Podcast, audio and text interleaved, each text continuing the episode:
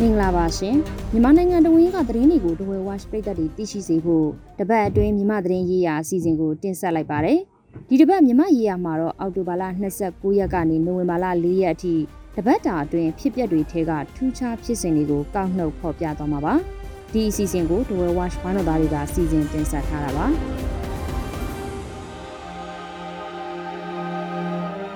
ရှမ်းပြည်နယ်မြောက်ပိုင်းမှာမြို့လေးမြို့ကိုလုံးဝထိန်းချုပ်ထားနိုင်ပြီး စစ်ကောင်စီတပ်စခန်း100ကျော်ကိုလည်းသိမ်းယူထားတယ်လို့မြောက်ပိုင်းမဟာမိတ်တွေကနိုဝင်ဘာလ4ရက်နေ့မှာထုတ်ပြန်ထားပါတယ်။တရုတ်နယ်စပ်မှာရှိတဲ့ချင်းရွှေဟော်တိန်ဒီဖောင်းဆိုင်ကျူကုတ်ပန်ဆိုင်မြို့တွေကိုထိန်းချုပ်ထားတယ်လို့ထုတ်ပြန်ထားပါတယ်။စစ်ကောင်စီဘက်ကတော့ချင်းရွှေဟော်ဖောင်းဆိုင်ကျူကုတ်၃မြို့ကိုလက်လွတ်လိုက်ရပြီလို့နိုဝင်ဘာလ၁ရက်နေ့မှာဝန်ခံထားပါတယ်။တိုက်ပွဲတွေအတွင်းလက်နက်ခဲယမ်းမြောင်များစွာတင်ဆက်ရမိထားပြီး တန်ချက်က6စီးကိုလည်းသိမ်းယူထားနိုင်တယ်လို့မြောက်ပိုင်းမဟာမိတ်တွေကဆိုပါတယ်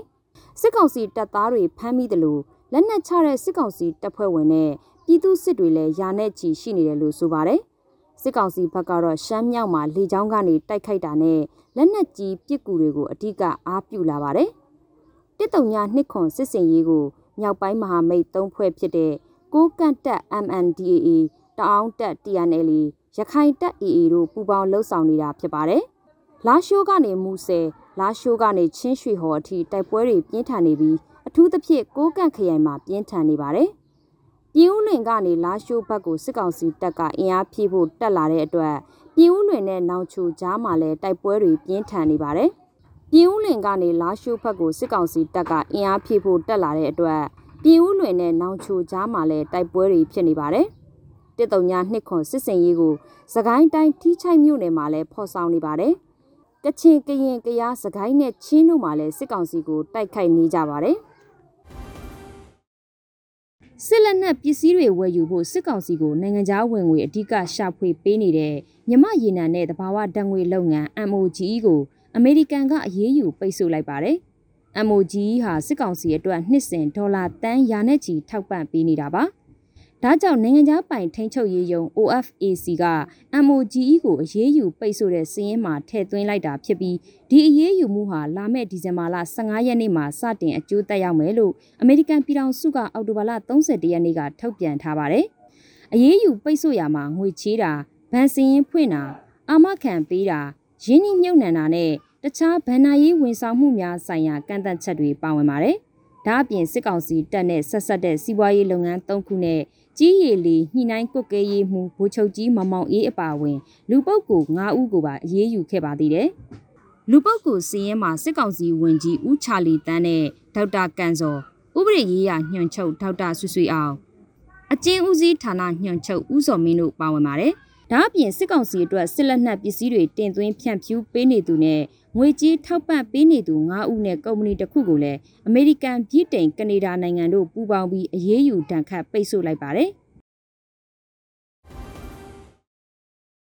ရှမ်းပြည်မြောက်ပိုင်းမှာတိုက်ပွဲတွေပြင်းထန်နေတာကြောင့်ကလေးငယ်တွေအပါအဝင်ရက်သား9ဦးထပ်မံတေဆုံးပြီးစစ်ဘေးရှောင်2000ကျော်တိုးမြင့်လာတယ်လို့ကုလကထုတ်ပြန်ပါတယ်။လက်တလုံးမှာတိုက်ပွဲပြင်းထန်နေတာကြောင့် စစ်ဘေးရှောင်2000ကျော်တိုးလာပြီးရှမ်းမြောက်မှာစစ်ဘေးရှောင်စုစုပေါင်း3800ကျော်အထိရှိလာပြီလို့ကုလသမဂ္ဂလူသားချင်းစာနာမှုဆိုင်ရာပေါင်းဆက်ညှိနှိုင်းရေးမှုယုံ UNOCHA ကနိုဝင်ဘာလ2ရက်နေ့မှာထုတ်ပြန်ပါတယ်။ရှမ်းမြောက်မှာမြို့နယ်22ခုရှိတဲ့အနက်9မြို့နယ်မှာတိုက်ပွဲပြင်းထန်နေပြီးနှစ်ဖက်တပ်တွေကလုံခြုံရေးတင်းကျပ်ထားတာကြောင့်အချိန်မီဆေးကုသခွင့်မရလို့အရက်သား2ဦးသေဆုံးခဲ့ရတယ်လို့လည်းဆိုပါတယ်။နေဆက်ကုံသွယ်ရေးတွေရပ်တန့်သွားသလို ကိုကန့်တိန်ဒီကော့ခိုင်မူဆယ်နဲ့နမ်ခမ်းမြို့တွေမှာမိုဘိုင်းဖုန်းနဲ့အင်တာနက်ဝန်ဆောင်မှုတွေပြတ်တောက်နေပါတယ်။ကော့ခိုင်မှာဆိုရင်လျှက်စစ်မီပြတ်တောက်နေတယ်လို့ကုလာကထုတ်ပြန်ပါတယ်။စစ်ဘေးရှောင်တွေဟာဘာသာရေးအဆောက်အအုံတွေနဲ့တောတောင်တွေထဲမှာခိုလုံနေရပြီးလူသားချင်းစာနာမှုဆိုင်ရာအကူအညီလိုအပ်ချက်တွေလည်းမြင့်တက်လာနေတယ်လို့ဆိုပါတယ်။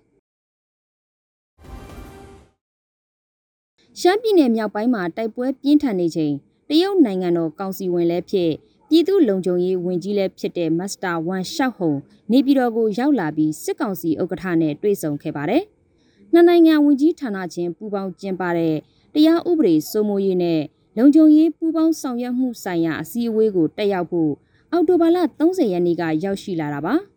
အောက်တိုဘာလ31ရက်နေ့မှာတော့စစ်ကောင်စီဥက္ကဋ္ဌဖူချုံမူကြီးမင်းအောင်လှိုင်နဲ့တွေ့ဆုံခဲ့ပါတယ်။ မစ္စတာဝမ်ရဲ့ခီးစဉ်ဟာရှမ်းမြောက်တိုက်ပွဲမတိုင်ခင်ကတည်းကစီစဉ်ထားတာဖြစ်ပေမဲ့ရှမ်းမြောက်အရေးဆွေးနွေးညှိနှိုင်းတာတွေလှုပ်ဆောင်ခဲ့နိုင်တယ်လို့နိုင်ငံရေးအကဲခတ်တွေကသုံးသပ်နေကြပါတယ်။စစ်ကောင်စီဘက်ကထုတ်ပြန်ရမှာရှမ်းမြောက်အရေးဆွေးနွေးခဲ့တယ်လို့ဆိုပြီးတရုတ်တန်ယုံကထုတ်ပြန်ရမှာတော့ရှမ်းမြောက်အရေးဆွေးနွေးခဲ့တယ်လို့ဖော်ပြထားတာမျိုးမတွေ့ရပါဘူး။ တရုတ်နိုင်ငံဟာပြီးခဲ့တဲ့ဇွန်လဆန်းကလည်းမြောက်ပိုင်းမဟာမိတ်သုံးဖွဲ့နဲ့စစ်ကောင်စီကိုဂျောင်းဝင်ညှိနှိုင်းပေးတာလုပ်ခဲ့ပေမဲ့ဆွေးနွေးပွဲပြတ်သွားခဲ့ပါတယ်။သမရဦးသိန်းစိန်အစိုးရလက်ထက်မှာပြန်ကြားရေးဝန်ကြီးနဲ့သမရရဲ့ပြောရေးဆိုခွင့်ရှိသူအဖြစ်တာဝန်ထမ်းဆောင်ခဲ့သူဖြစ်တဲ့ဦးရဲထွတ်ကိုစစ်ကောင်စီကဖမ်းဆီးလိုက်ပါတယ်။ လူမှုကွန်ရက်စာမျက်နှာမှာမဟုတ်မမှန်သတင်းတွေရေးသားဖြန့်ဝေတယ်ဆိုပြီးရန်ကုန်ကနေအိမ်မှာအော်တိုဘာလ28ရက်ညပိုင်းကဖမ်းဆီးခံလိုက်ရတာပါ။ဦးရထွတ်ကိုရာဇသက်ကြီးဥပဒေပုံမှန်905ကကြီးနဲ့အမှုဖွင့်စစ်ဆေးနေတယ်လို့စစ်ကောင်စီကထုတ်ပြန်ထားပါတယ်။ဦးရထွတ်ဟာစစ်ကောင်စီကိုဓာတ်ရိုက်တွယ်ဝိုက်နီးလန်းတွေနဲ့ဝေဖန်ရေးသားနေသူဖြစ်လို့ဖမ်းဆီးခံရတာလို့သုံးသပ်မှုတွေရှိနေပါတယ်။ ဖမ်းဆီးခံရမှုမတိုင်ခင်မှာဦးရဲထွတ်ကိုဖမ်းဖို့စစ်ကောင်စီဝါဒဖြန့် Telegram Channel တွေမှာလှုပ်ဆော်ရေးသားခဲ့ကြပါတယ်။ရခိုင်ပြည်နယ်စစ်တွေမျိုးအခြေစိုက် Development Media Group DMG သတင်းဌာနကိုစစ်ကောင်စီတပ်ဖွဲ့ဝင်တွေဝင်ရောက်စီးနင်းပြီးသတင်းထောက်တဦးနဲ့ရုံးဆောက်တဦးတို့ကိုဖမ်းဆီးသွားပါတယ်။အောက်တိုဘာလ29ရက်နေ့နေ့လယ်ပိုင်းမှာစစ်ကောင်စီတပ်ဖွဲ့ဝင်တွေစာသုံးလုံးသတင်းရဲတပ်ဖွဲ့နဲ့ရဲတပ်ဖွဲ့ဝင်20ခန့်ဟာ ကား၃စီးနဲ့ဝင်ရောက်စီးနင်းတာဖြစ်ပါတယ်။ရုံးပစ္စည်းတွေဖြစ်တဲ့ကွန်ပျူတာနဲ့ကင်မရာတွေတင်ဆက်သွားပြီးရုံးကိုလည်းချိတ်ပိတ်ထားခဲ့တယ်လို့ DMG ကထုတ်ပြန်ပါတယ်။သတင်းထောက်ကိုထပ်အောင်နဲ့ရုံးဆောက်တို့ကိုစစ်တွေအမှတ်၁ရဲစခန်းမှာထိမ့်သိမ်းခံထားရပြီးဆက်သွယ်ရေးဥပဒေပုံမှန်65နဲ့အမှုဖွင့်ထားတယ်လို့ဆိုပါတယ်။ DMG ကလုပ်ငန်းလိုင်စင်မရှိဘဲလုတ်ကင်နေတဲ့အတွက်အခုလိုအမှုဖွင့်ခံရတာလို့ဆိုပါတယ်။ 2019ခုနှစ်မှာ DMG အေဒါချုပ်ကိုစစ်တပ်ကမတရားအသင်းဆက်သွယ်မှုပုံမှန်16နှစ်နဲ့တရားစွဲခဲ့တာကြောင့်အေဒါချုပ်မှာတင်းရှောင်နေရပါတယ်။2021ခုနှစ်မှာလည်း DMG ကိုဆက်သွယ်ရေးဥပဒေပုံမှန်66ခါကြီးနဲ့တရားစွဲခဲ့ပါသေးတယ်။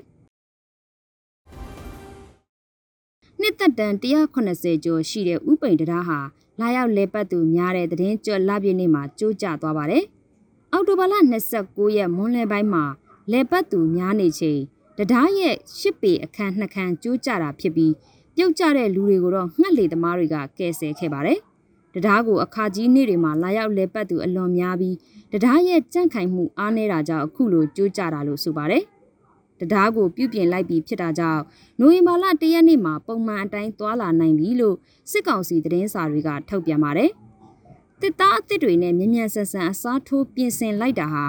ရှေးအောင်ရင်ကျေးမှုအမွေအနှစ်ထိမ့်သိမ်းရေးစံနှုန်းတွေနဲ့ကိုက်ညီပါရဲ့လားလို့မေးခွန်းတွေထွက်ပေါ်နေပါတယ်။တရားခံနိုင်အားနဲ့လာရောက်လဲပတ်သူအရေးအတွက်ကိုမတတ်မှတ်ထားတာတရားကိုစောင့်ကြည့်မှုအားနည်းတာတွေကြောင့်အခုလိုကြိုးကြရတာလို့လည်းထောက်ပြမှုတွေရှိနေပါတယ်။ပရိသတ်ပေါင်းတို့ကိုရောစိတ်ပါကျမ်းမာချမ်းသာကြပါစေ။ကပ်ဘေးမျိုးမျိုးကနေအမြန်ဆုံးလွတ်မြောက်ပါစေကြောင်းဒဝဲဝက်ဝိုင်းတော်သားများကစုမုံကောင်းတားရပါတယ်။ နောက်တစ်ပတ်မှာလည်းမြမသတင်းရေးရာအစီအစဉ်ကိုဆက်လက်စောင့်မျှော်ကြည့်ရှုနားဆင်ကြပါအောင်ရှင်။